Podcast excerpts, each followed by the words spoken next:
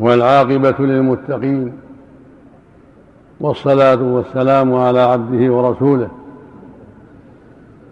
وصفوته من خلقه وخليله وأمينه على وحيه نبينا وإمامنا وسيدنا محمد بن عبد الله وعلى آله وأصحابه ومن سلك سبيله واهتدى بهداه إلى يوم الدين. أما بعد فإني أشكر الله جل وعلا على هذا اللقاء بإخواني لي في الله التناصح والتواصي بالحق والتعاون على البر والتقوى. ولا شك أن ذلك مما يحبه الله ويرضاه. وقد أمر الله به عز وجل وشرعه لعباده حيث قال سبحانه وتعاونوا على البر والتقوى. ولا تعاونوا على الإثم والعدوان. وقال عز وجل والعصر إن الإنسان لفي خسر إلا الذين آمنوا وعملوا الصالحات وتواصوا بالحق وتواصوا بالصبر. فأخبر سبحانه أن أهل الإيمان والعمل الصالح يتواصلون بالحق ويتواصلون بالصبر. وهذه العناصر الأربعة هي عناصر السعادة والربح. الإيمان الصادق بالله ورسوله وبكل ما أخبر الله به ورسوله والعمل الصالح وهو أداء ما شرعه الله وترك ما نهى الله عنه. والثالث التواصي بالحق والرابع التواصي بالصبر. هذه الأصول الأربعة هي أصول السعادة وأصول الربح والنجاة. والعاقبة الحميدة.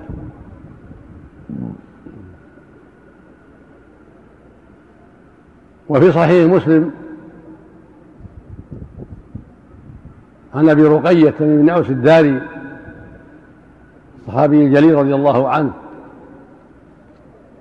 عن النبي صلى الله عليه وسلم قال الدين النصيحة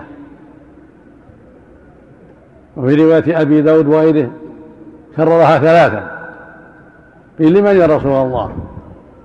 قال لله ولكتابه ولرسوله ولأئمة المسلمين وعامته. فأخبر المصطفى عليه الصلاة والسلام أن الدين النصيحة فالمعنى أن النصيحة خصلة عظيمة من الدين ولهذا جعل الدين النصيحة كما قال الحج عرفة. الأعمال بالنيات فالمعنى أن النصيحة من أعظم مهمات الدين وهي إبداء الخير لأخيه ودلاته عليه ودعوته إليه وإرشاده إليه وأمره به وتحذيره من ضده.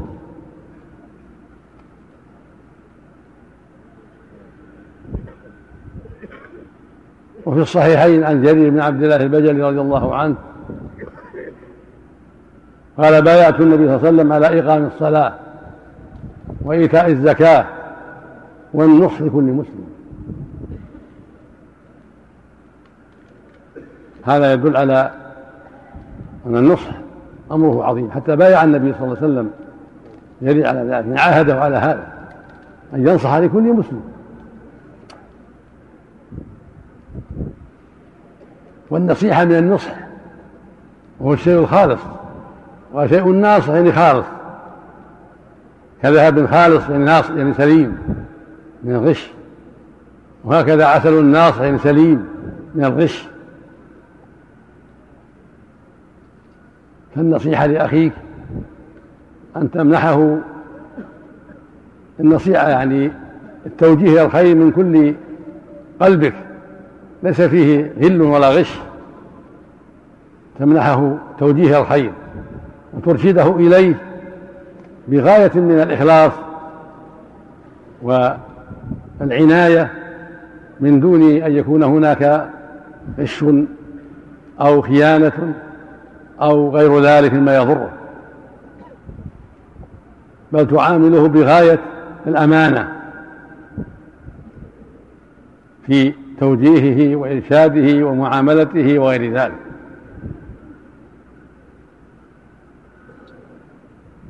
فالتناصر بين المسلمين من أهم المهمات في المساجد وفي المدارس وفي المناسبات التي تعرض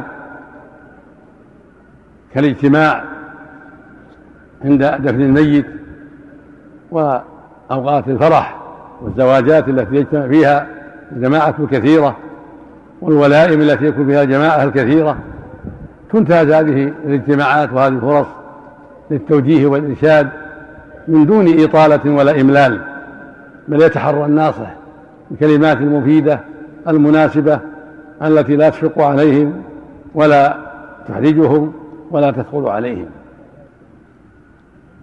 وكان النبي ينتهز فرص عليه الصلاة والسلام.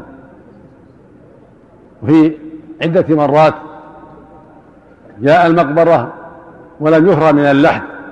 فنصح الأمة ووجههم إلى الخير عليه الصلاة والسلام.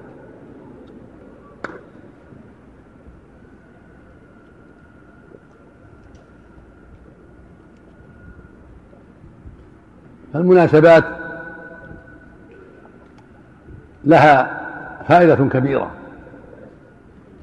وليس وليس كل وقت يجد وليس في كل وقت يجد الناصح والعالم طالب العلم الفرصة للتوجيه.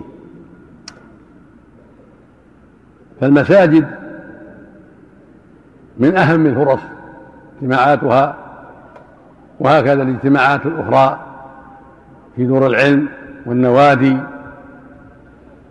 واجتماع الزواج واجتماع تشييع الجنازة عند القبر قبل أن يفرغوا. وما أشبه ذلك من الاجتماعات التي تعرض لطالب العلم مع إخوانه.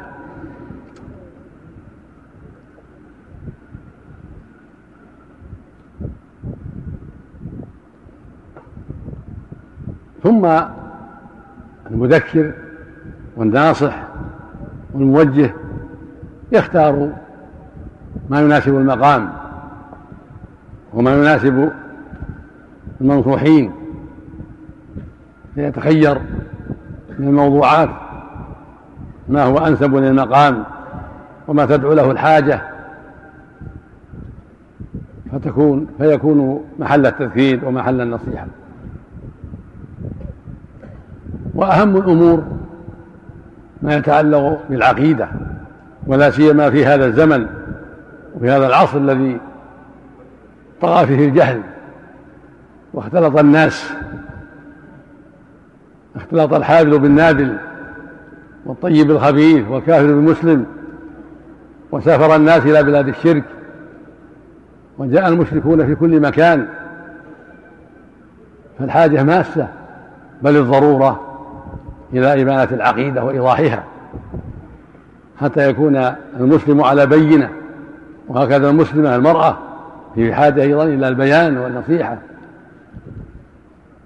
فكل مؤمن وكل مؤمنة في أشد الحاجة إلى التفقه في دينه ولا سيما عند تغير الأحوال وغلبة الجهل وقلة العلم وكثرة المشبهين والملبسين والمبتدعين ودعاة البطالة والضلال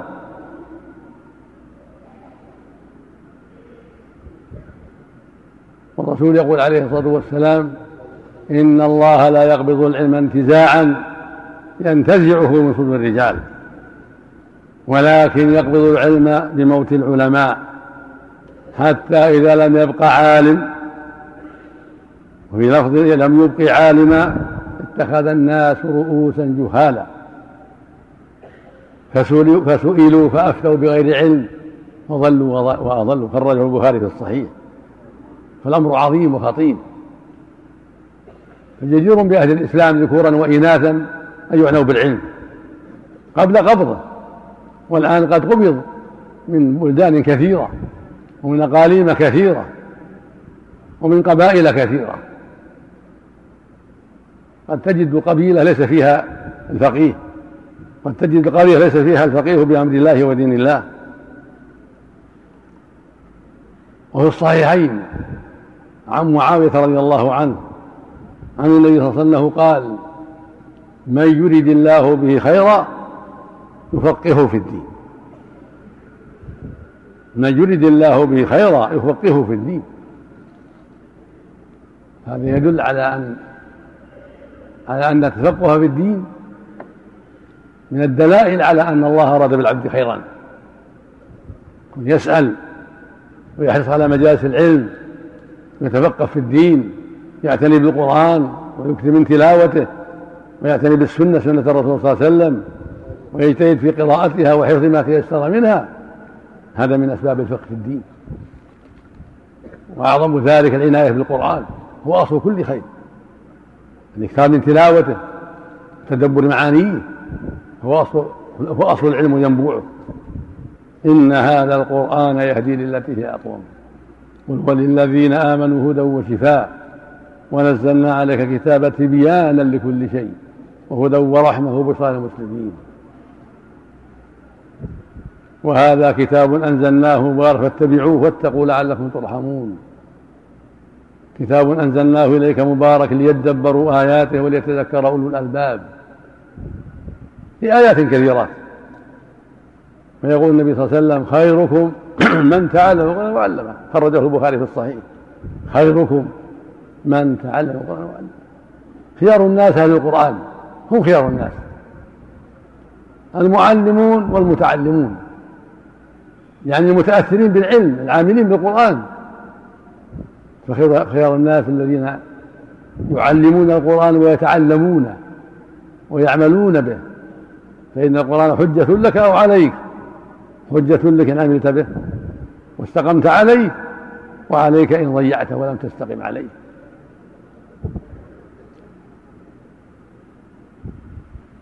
ويقول النبي صلى الله عليه وسلم الصحيحين من حديث أبي موسى الأشعري رضي الله عنه. يقول مثلي إن مثلي ومثل ما ومثل ما بعثني الله به. إن مثلي ومثل ما بعثني الله به. كمثل غيث. يعني مطر. أصاب أرضا. فكانت منها طائفة طيبة. قبلت الماء. فأنبتت الكلاء والعشب الكثير.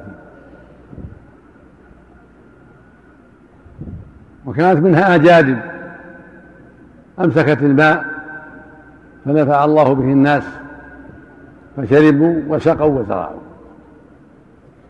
وأصاب طائفة أخرى إنما هي قيعان لا تمسك ماء ولا تنبت كلاء. فذلك مثل من فقه في دين الله. ونفعه ما بعثني الله به فعلم وعم وعلم ومثل من لم يرفع بذلك رأسا ولم يقبل هدى الله الذي أرسلت به. لا حول ولا قوة إلا بالله.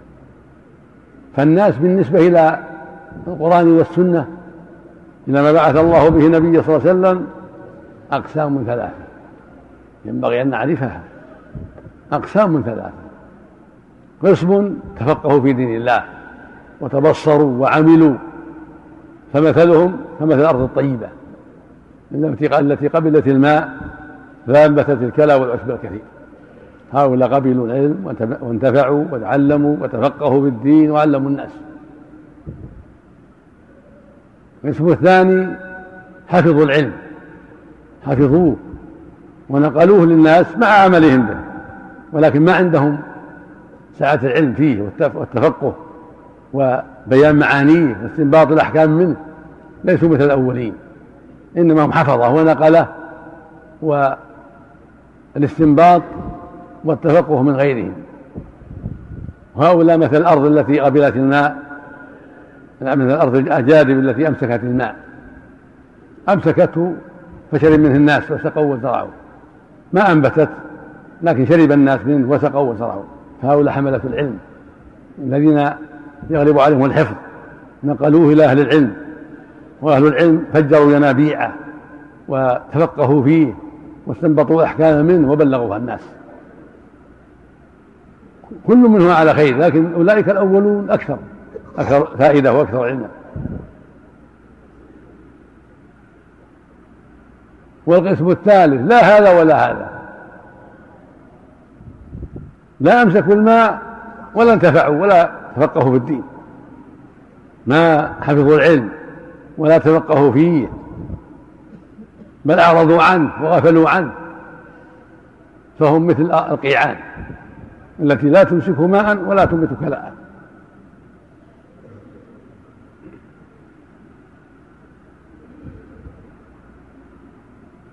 فجدير بالمؤمن والمؤمنة العناية بالعلم. التفقه في الدين. وليس لأحد يقول أنا مشغول. هذا شغله فعلى كل أن يتعلم ويتفقه في الدين ويتبصر من طريق القرآن ومن طريق السنة ومن طريق سؤال أهل العلم. فاسألوا أهل الذكر إن كنتم لا تعلمون.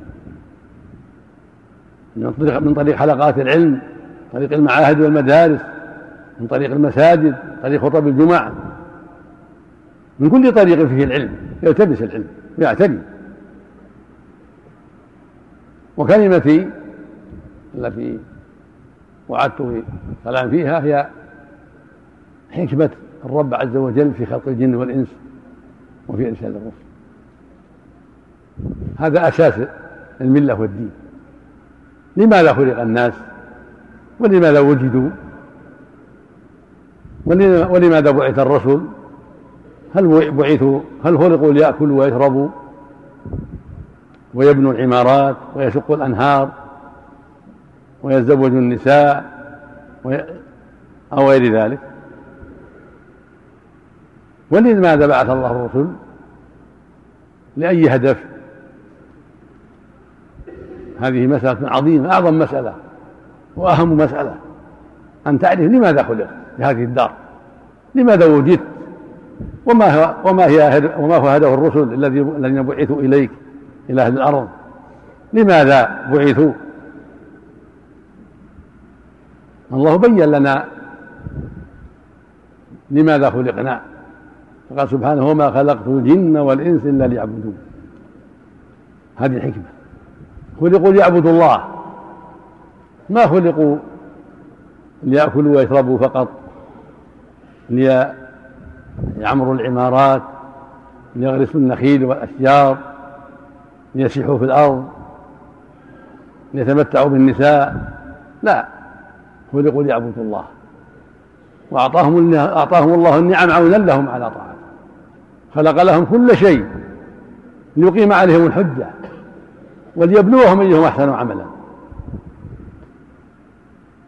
وما خلقت الجن والإنس إلا ليعبدون. وهذه عبادة. طريق معرفتها الرسل. من طريق القرآن والسنة. العبادة التي خلق لها من أين تعرفها؟ من طريق الرسل من طريق القرآن العظيم والسنة المطهرة. القرآن بينها والرسول بينها عليه الصلاة والسلام. فعليك أن تقوم بهذه العبادة التي خلقت لها. تؤدي الواجبات وتدع المحرمات. وتجتهد فيما شرع الله من المندوبات للتزود من الخير ومزيد الحسنات.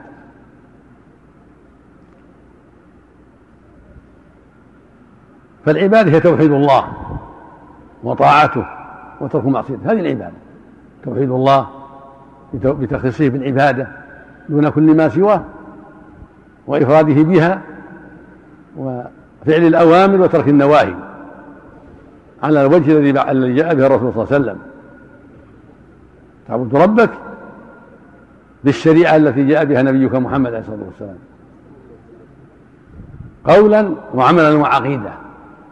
تحب في ذلك وتبغض في ذلك وتوالي في ذلك وتعادي في ذلك. خلقت لهذا وما خلقت الجن والإنس إلا ليعبدون. ما أريد منهم من رزق وما أريد أن يطعمون. إن الله هو الرزاق ذو قوة المتين. ما تخلقوا لترزقوا الناس؟ الله يرزقكم. الرزق عنده جل وعلا. كما قال سبحانه فابتغوا عند الله الرزق واعبدوه. إن الله هو الرزاق ذو قوة المتين. فأنت مخلوق العبادة وعلى الله رزقك. الذي خلق هذه رزقك سبحانه وتعالى. هو الذي يعلمك ما ينفعك من أسباب الرزق. هذا نجار هذا خراز هذا تاجر وهذا سماك. وهكذا وهذا كذا وهذا كذا الله يعلمهم ويرزقهم سبحانه وتعالى. عليك أن تعبد ربك بما شرع وعليك أن تستعمل بدنك فيما يعينك على طاعة الله من أسباب الرزق المباحة. يقول جل وعلا هو الذي خلق لكم ما في الأرض جميعا. خلقك للعبادة وخلق لك ما في الأرض جميعا. هو الذي خلق لكم ما في الأرض جميعا. قال سبحانه وسخر لكم ما في السماوات وما في الأرض جميعا منه. فالعبد خلق للعبادة والله خلق له ما في الأرض وسخر له ما في السماوات وما في الأرض. يأكل ويلبس ويعطي ويجود ويحسن ويأمر وينهى إلى غير ذلك. ويقول سبحانه يا أيها الناس اعبدوا ربكم. الذي خلقكم والذين من قبلكم لعلكم تتقون. خلقهم ليتقوه وهي العباد. التقوى هي العباد وهي الإيمان وهي الهدى وهي الإسلام. إن الدين عند الله الإسلام. الإسلام هو العبادة التي خلقت لها. هذه عبادة تسمى إسلام وتسمى إيمانا تسمى هدى تسمى برا تسمى تقوى. أنت مخلوق لها. تعبد ربك لتتقيه بطاعة أوامره وترك نواهيه على وجه الإخلاص له وتخصيصه بالعبادة دون دون كل ما سواه. فلا تعبد معه شجرا ولا حجرا ولا صنما ولا رسولا ولا وليا ولا نجما ولا غير ذلك. تعبده وحده. كما قال سبحانه وإلهكم إله واحد. لا إله إلا هو الرحمن قال يا أيها الناس اعبدوا ربكم الذي خلقكم. والذين من قبلكم لعلكم تتقون. فالخلاق هو الذي يعبد. الله خالق كل شيء. ثم قال الذي جعل لكم الأرض فراشا والسماء بناء وأنزل من السماء ماء فأخرج به من الثمرات رزقا لكم فلا تجعل لله أندادا وأنتم خلقك وخلق رزقك رزقك. خلق السماء والأرض من أجلك وأنزل المطر من أجلك وأنبت النبات هو الذي خلق لكم ما في الأرض جميعا وسخر لكم ما في السماوات وما في الأرض جميعا منه. قال تعالى هو الذي خلق السماوات والأرض في ستة أيام وكان عرشه على الماء ليبلوكم أيكم أحسن عملا. أنت مبتلى. هل تعمل بطاعة ربك وتستقيم على ما شرع الله لك وتحسن عملك بالإخلاص والصدق أم تنحرف عن ذلك؟ أنت مبتلى. ليبلوكم أيكم أحسن عملا. خلق لك الأرض وما فيها وسخر لك ما في السماوات وما في الأرض ويسر لك أسباب الرزق وأمرك أن تعبده وحده. يا أيها الناس اعبدوا ربكم. يا أيها الناس اتقوا ربكم. إن الدين عند الله الإسلام. ومن يبتغي غير الإسلام دين فلن يقبل منه. فعليك أن تقبل على هذا الدين وأن تفقه فيه وأن تتعلمه بكل جهدك. قال تعالى الذي خلق الموت والحياة ليبلوكم أيكم أحسن عملا. وقال جل وعلا إنا جعلنا ما على الأرض زينة لها لنبلوكم أيكم أحسن عملا. جميع ما على الأرض. من جبال وأنهار وأشجار وبحار ودواب ومعادن وغير ذلك زينة لها. لماذا؟ ليبلوكم أيها الناس الجن والإنس ليبلوكم أيكم أحسن عملا. ليختبركم من هو الأحسن عمل في إخلاصه لله وطاعته لله وقيامه بحقه. ثم ينبغي الانتباه لقول أحسن ما قال أكثر. الاعتبار بالحسن والعمل يكون حسنا إذا كان خالصا لله موافقا للشريعة. كل ما كان الإخلاص أكمل وكانت المتابعة أكمل كان الحسن أكمل. فركعتان عظيمتان خالصتان يعني قد قبلت عليهما وخشعت فيهما وكملت إخلاصك لله والمتابعة فيها خير من أكثر منها مع الإخلال بهذه الأمور. ليبلوكم أيكم أحسن عملا. فعليك يا عبد الله أن تخلص لله. وما أمروا إلا ليعبدوا الله مخلصين له الدين. فاعبد الله مخلصا له الدين. إياك نعبد وإياك نستعين. أنت مأمور بهذا. مخلوق لهذا. والرسل بعثوا لهذا. ولقد بعثنا في كل أمة رسولا أن اعبدوا الله واجتنبوا الطاغوت. قال تعالى وما أرسلنا من قبلك من رسول إلا نوحي إليه أنه لا إله إلا أنا فاعبدون. هذه مهمته بعثوا ليدعوك ويدعو غيرك.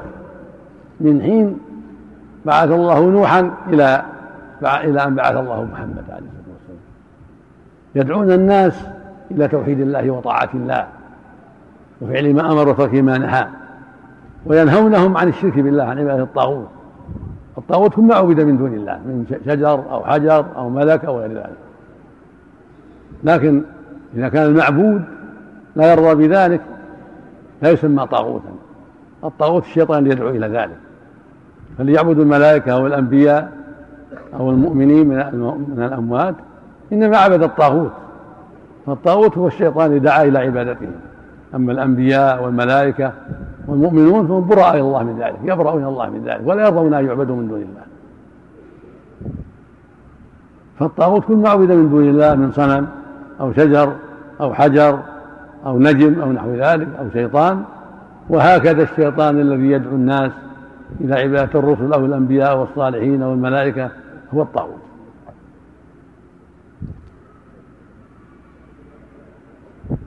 فالإسلام والإيمان والهدى والبر والتقوى له أصلان شهادة أن لا إله إلا الله وأن محمدا رسول الله.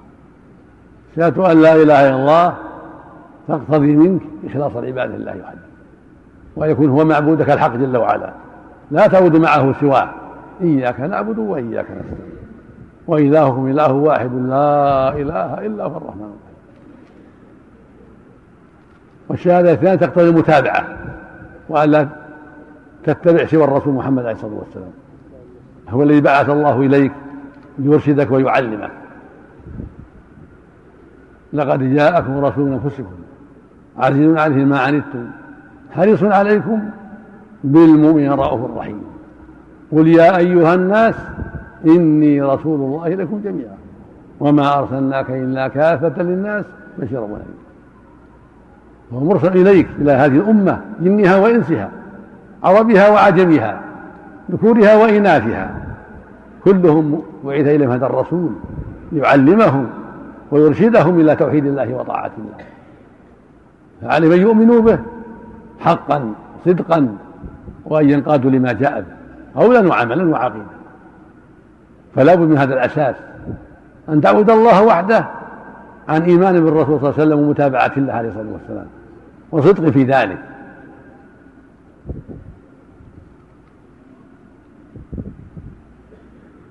فمبنى هذا الدين وأساسه الإخلاص لله والمتابعة للرسول عليه الصلاة والسلام. فمن كان يرجو لقاء ربه فليعمل عملا صالحا وهو الموافق لشرع الله. ولا يشرك بعبادة ربه أحدا. وعلى حسب اجتهاد العبد وإخلاصه وصدقه يكون حسن عمله. فمن كان إخلاصه أكثر وكان اتباعه للشريعة أكمل صار عمله أحسن. لقوله تعالى ليبلوكم أيكم أحسن عملا. ثم عليك بعد ذلك أن تحاسب نفسك في أداء الواجبات وأعظمها الصلاة. أعظم شيء بعد الشهادتين الصلاة أن تؤديها كما أمر الله. وتحافظ عليها مع الجماعة في مساجد الله والمرأة تؤديها في وقتها عن إخلاص لله وإيمان ومحبة وتعظيم وتخشع فيها لله وتؤديها كاملة في أوقاتها. وهكذا الزكاة وهكذا الصوم وهكذا الحج وهكذا كل ما أمر الله عليك أن تؤديه لأنه داخل في العبادة التي خلقت لها. العبادة أن تؤدي الواجبات التي خلقت لها. وأعظمها وأصلها وأساسها شهادة أن لا إله إلا الله علما وعملا وتوحيدا وإخلاصا وعقيدة وشهادة أن محمدا رسول الله علما وعملا وصدقا في متابعته وإيثار ما جاء به على ما سواه. فإن تنازعتم بشيء فردوه إلى الله والرسول. هكذا يكون المؤمن في عبادته لله يخص الله بالعبادة دون كل ما سواه ويتفقه في الدين حتى تكون عباداته موافقة لشرع الله الذي جاء به نبينا محمد عليه الصلاة والسلام. لا تكون بدعة. فمن أخلص لله فقد أدى معنى لا إله إلا الله. ومن تابع الرسول صلى الله عليه وسلم واستقام على ذلك فقد أدى معنى شهادة أن محمدا رسول الله. ومن ابتدع صار قدحا في شهادة أن محمدا رسول الله. كأنه يقول ما كمل محمد ما أتى بالكمال. الناس محتاج إلى بدعة إلى زيادة. ولهذا قال عليه الصلاة والسلام من أحدث في أمرنا هذا يعني الدين. ما ليس منه فهو رد يعني فهو مردود. متفق عليه. وقال عليه الصلاة والسلام من عمل عملا ليس عليه أمرنا فهو رد. أي مردود. خرجه مسلم في الصحيح. فكل منا من الرجال والنساء والعرب والعجم والذكور والجن والإنس والعلماء وغيرهم كلهم مأمورون بإخلاص عبادة لله وأن لا يعبدوا معه سواه لا صنما ولا ملكا ولا نبيا ولا غير ذلك. وأن يتابعوا نبيه محمد صلى الله عليه وسلم بصدق وأن ينقادوا لشرعه ويتفقهوا في ذلك. من يريد الله به خيرا يفقهه في الدين. لابد من التفقه في الدين والتعلم والتبصر من طريق المدارس والمعاهد والمساجد حلقات العلم سؤال العلماء إلى غير ذلك. الله يقول فاسألوا أهل الذكر إن كنتم لا تعلمون. وسبق الحديث تمثيل النبي صلى الله عليه وسلم لما بعثه الله به من الهدى والعلم مثل الغيب فكل إنسان وكل من رجل وامرأة عليه يتفقه عليه يتعلم عليه يسال عما خلق له.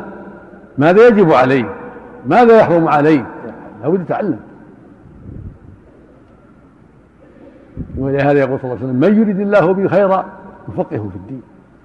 ويقول صلى الله عليه وسلم من سلك طريقا يلتمس فيه علما سهل الله له في طريق الجنة. فلا بد من التعلم والتفقه في الدين. حتى نعلم نعلم ما خلقنا له. نعلم العبادة مفصلة. التي خلقنا لها وهي توحيد الله والإخلاص له وطاعة أوامر كلها وترك نواهي كلها. ثم إذا رزقت بعد هذا مزيدا من التفقه في الدين ومزيدا من العمل الصالح المشروع صار خيرا إلى خير. جاء عمر رضي الله عنه بن عبد العزيز رضي الله عنه أنه قال رحمه الله ليس تقوى الله بصيام النهار ولا بقيام الليل والتخليط فيما بين ذلك.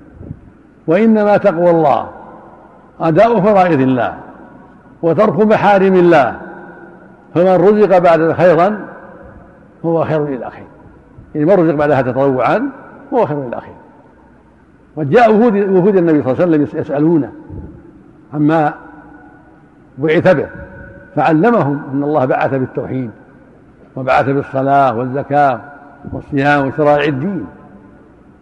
ثم قالوا بعد ذلك لن نزيد ولا ننقص على ما أمرنا به. فقال صلى الله عليه وسلم لمن قال هذا أفلح إن صدق أو دخل الجنة إن صدق. وهذا يكون من الأبرار ومن المتقين. من فعل الواجبات وترك المحرمات إخلاصا لله وتوحيدا له ومتابعة الرسول صلى الله عليه وسلم صار برا ومؤمنا وتقيا وصار من أهل الجنة. فإن رزقه الله بعد ذلك توسعا في الأعمال الصالحات المستحبة والاستكثار من الصدقات من صلاة النافلة من صوم النافلة من صدقة النافلة من صوم النافلة من حج النافلة من الإحسان إلى الناس من غير ذلك من وجوه البر صار خيرا إلى خير وصار أكمل لإسلامه وأكمل الإيمان وبهذا نعلم ما يقع عند قبور عند قبور من يسمون بالأولياء أو عند قبور من يدعى أنه نبي أو عند قبر الرسول صلى الله عليه وسلم محمد من بعض جهالة الحجيج أو الزوار من دعاء الميت والاستغاثة بالميت أو أو النازلة أو طلبه المدد. نعلم أن هذا هو الشرك الأكبر. هذا هو الشرك الذي بعث الله الأنبياء بالنهي عنه. وما أرسلنا من قبلك من الرسول إلا نوحي إليه أنه لا إله إلا أنا ولقد بعثنا في كل أمة رسولا. أن يعبدوا الله وجنبوا الطاغوت. وقال جل وعلا يا أهل الكتاب لا تغلوا في دينكم. وقال النبي صلى الله عليه وسلم لا تطروني كما أطرت النصارى ابن مريم. إنما أنا عبد فقولوا عبد الله ورسوله. وقال عليه الصلاة والسلام إياكم والغلو في الدين. فإنما أهلك من كان قبلكم الغلو في الدين. فالذي يأتي إلى النبي صلى الله عليه وسلم ويقول يا رسول الله انصرنا. أو أن تعلم حوالنا اشف مرضانا. انصرنا على الذين عادونا. أو ارحمنا أو اشفع لنا أو ما أشبه هذا دعاء لغير الله هذه عبادة لغير الله. الرسول ما بعث لهذا بعث ليعلمك ويرشدك. بعث ليعلمك أن تعبد الله وحده. بعث ليعلمك أن تعبد الله وحده. لما بعث الله بعثه قال قولوا لا إله تفلحوا يا أيها الناس اعبدوا الله. ما قال اعبدوني أنا فلا تضروني. الشفاعة تطلب في حياته. يا رسول الله اشفع لي. أو تقول لأخيك يا أخي اشفع لي. ادعو الله لي يغفر ما يخالف. هو حي. لكن بعد وفاة لا تقول هذا. لا بعيد ولا عند قبره. لكن بعد بعد البعث والنشور يوم القيامة يطلب الناس يوم القيامة يشفع لهم. لا بأس. لكن بعد الموت في حال البرزخ لا. لا يطلب من أحد شفاعة في حال بعد الموت وقبل البعث والنشور. ولا يقال المدد المدد ولا انصرني. أو عافني أو اهدني أو ارحمني أو إلى قبر البدوي أو الحسين أو المرسي أو عبد القادر الجيلاني الشيخ عبد القادر الجيلاني أو فلان أو فلان. وإن كانوا أخيار وأئمة وعلماء لا يدعون مع الله. هكذا الرسل لا يدعون مع الله. هكذا ملائكة هكذا الجن. العبادة حق الله وحده. ولهذا قال سبحانه وأن المساجد لله فلا تدعوا مع الله أحد. قال سبحانه ذلكم الله ربكم له الملك والذين تدعون من دونه ما يملكون من قطمير قطمير اللهبة التي على النواة الفصلة هكذا التمر. ما يملكون من قطمير إن تدعوهم لا يسمعوا دعاءكم. ولو سمعوا يعني على سبيل الفر والتقدير ولو سمعوا ما استجابوا لكم. ويوم القيامة يكفرون بشركهم. يوم القيامة ينكرون ذلك. الرسل والأنبياء والأخيار والملائكة تنكر ذلك. وتبرأنا إليك ما كانوا إيانا يعبدون. كما قال عن الملائكة فيوم يحشرهم جميعا. ثم يقول للملائكة أهؤلاء كانوا يعبدون؟ قالوا سبحانك أنت ولينا من دونهم بل كانوا يعبدون الجن أكثرهم بهم مؤمنون. قال سبحانه ومن أضل ممن يدعو من دون الله من لا يستجيب له إلى يوم القيامة. وهم عن دعائهم غافلون. وإذا حشر الناس كانوا لهم أعداء وكانوا بعبادتهم كافرين. قال جل وعلا ومن يدعو مع الله إلها آخر لا برهان له فإنما حسابه عند ربه إنه لا يفلح. فيجب التنبؤ لهذا ويجب على العالم تنبيه الناس على هذا. العلماء ينبه العامة في كل مكان في المملكة في مصر في الشام في العراق. في أمريكا في أوروبا في أفريقيا في كل مكان. العلماء ينبه الناس. والعلماء هم ورثة الأنبياء وفضلهم عظيم. العلماء فضلهم عظيم.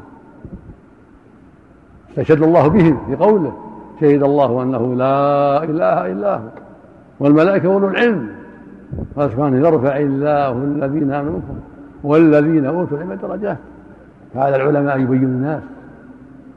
وعلى الناس أن يعرفوا قدرهم ويعرفوا فضلهم ويسألوهم.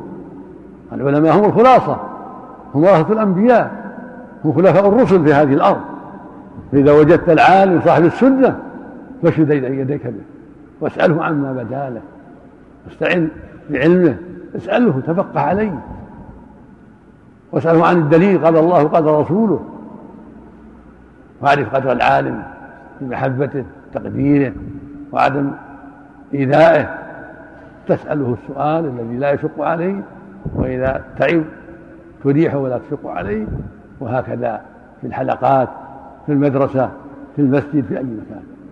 تحرص على العلماء تطلبهم ولو بالسفر. كان الصحابة يسافرون وهم أعلم الناس بعد الأنبياء يسافرون من مكان إلى مكان لطلب العلم. ثم التابعون بعدهم والعلماء يسافرون من مكان إلى مكان من المغرب إلى المشرق ومن المشرق المغرب. ومن الجنوب إلى الشمال ومن الشمال إلى الجنوب العلماء هم ورثة الأنبياء. لا تسكت ولا تغفل اسأل واطلب العلم وسافر العلماء والزمهم أينما كان. حتى تعرف حتى تفقه في الدين. لأن ربك يقول سبحانه فاسألوا أهل الذكر إن كنتم لا تعلمون. ويروى أن قوما أفتوا بغير علم. فقال صلى الله عليه وسلم ألا سألوا إذ لم يعلموا؟ إنما شفاء العي السؤال. ويقول صلى الله عليه وسلم من يريد الله به خيرا يفقهه في الدين. ويقول صلى الله عليه وسلم من سلك طريقا يلتمس فيه علما سهل الله له به طريق الجنة. فعلينا أن نعرف العلماء أينما كان وأن نتعلم العلم لا نسكت على جهالة لا نرضى بالجهالة لا رجال ولا نساء. الرجل يعلم يسأل والمرأة تسأل. وقد يسر الله لكم أيضا الهاتف التلفون والمكاتبة. تكتب العالم ولو في أقصى الدنيا. تكلمه بالهاتف إذا عرفت هاتفه. تسأل. تسافر إليه. إذا قدرت. في أي مكان. في المملكة أو في غيرها. العالم هو المرشد إلى الله. إذا كان من أهل السنة إذا كان موحدا مخلصا. يعبد الله وحده يعلم الناس دين الله. لا علماء السوء الذين يدعون الناس إلى الشرك بالله ويبتدعون في الدين لا ليسوا بعلماء هؤلاء علماء الشرك علماء البدع لا علماء التصوف لا لكن تسأل عنها العلم يقول يقول قال الله قال الرسول قال الله كذا أمر الله بكذا قال الرسول كذا ونهى الرسول عن كذا تسأل عنهم وتسافر إليهم وإذا أشكل عليك تقول لماذا؟ وش الدليل على هذا؟ لماذا هذا مأمور؟ لماذا أمرتني بهذا؟ هل أمر الله به؟ هل أمر به الرسول؟ يا أخي علموني جزاك الله علمني جزاك الله خير لماذا؟ بعبارة حسنة بأسلوب حسن هذا وش دليل؟ في حديث في آية علمني اشرح لي جزاك الله خير ولو تسافر أو من مسجد إلى مسجد أو من حارة إلى حارة دوره تحضر الحلقة تكتب له تكلمه في الهاتف حتى يرشده لا تسكت على الجهل أبدا أنت مخلوق لتعبد ربك. ولا طريق إلى هذا إلا بالتعلم والعلماء هم ورثة الأنبياء وفضلهم عظيم. يقول ابن القيم رحمه الله في نونيته والجهل داء قاتل وشفاؤه والجهل داء قاتل وشفاؤه أمران في الترتيب متفقان. نص من الكتاب أو من سنة وطبيب ذاك العالم الرباني. هذا هو الطبيب. يرشدك للكتاب والسنة ويعلمك مثل ما أن الطبيب يعلم يقول هذا الداء وهذا دواء يعلمك بالداء ويحط الدواء عليه.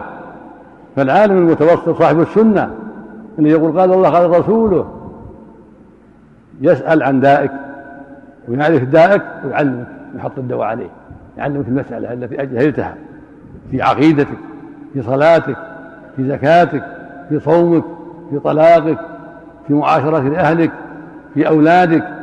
في جيرانك في مداينتك ومعاملتك في غير ذلك. تسأل. العلماء شأنهم عظيم. شأنهم عظيم والحاجة إليهم عظيمة. وأنت في آخر الزمان الآن في غربة وهم قليل الآن قليل جدا علماء الحق علماء الهدى قليل. فاطلبهم في كل مكان في القرى والمدن والقبائل وفي أي مكان. واسأل عنهم وتبصر وسافر إليهم أو كاتبهم. أو بالهاتف. واحرص على حضور حلقات العلم من علماء الخير علماء الهدى الذي يقولون قال الله قال رسوله قال الصحابة يبصرون الناس وإذا سألت عن الدليل ما يغضب؟ يعلم في الدليل قال الله قال رسوله حتى تكون على بينة. وهكذا من حضر معك من إخوانك يكون على بينة. وهكذا المرأة تسأل بالتلفون أو بالمكاتبة أو بالذهاب إليه في أهله تقول ما أشكل علي كذا وش الحكم؟ جرى علي كذا في نفاسها في حيضها في معاملتها في حقها مع زوجها في جيرانها في زكاتها في صومها في أي في صلاتها. تسأل تسأل من طريق الهاتف من طريق التلفون من طريق المكاتبة حضور حلقات العلم إذا عرفتها. ومن المهمات والمفيد أيضا نور على الدرب. نور على الدرب الدرب برنامج مفيد. فأنا أدعو الناس إلى أن يستمعوه مفيد ويقوم بعلماء فيهم خير. في إذاعة القرآن. عنوانه برنامج. عنوانه نور على الدرب. فيه أسئلة. في العقيدة وغيرها. أنصح باستماعه. للرجال والنساء. أنصح باستماعه.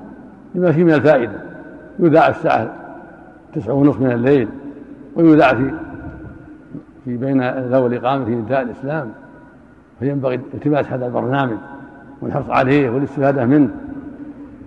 أسأل الله بأسمائه الحسنى وصفاته العلى أن يمنحنا وإياكم العلم النافع والعمل الصالح وأن يرزقنا وإياكم الاستقامة ويعيذنا وإياكم من شرور أنفسنا وسيئات أعمالنا وأن يمنحنا الفقه في دينه والثبات عليه وأن يوفق علماء المسلمين أينما كانوا وأن ينصر بهم الحق وأن يمنحهم التوفيق والهداية وأن يعينهم على نفع العباد.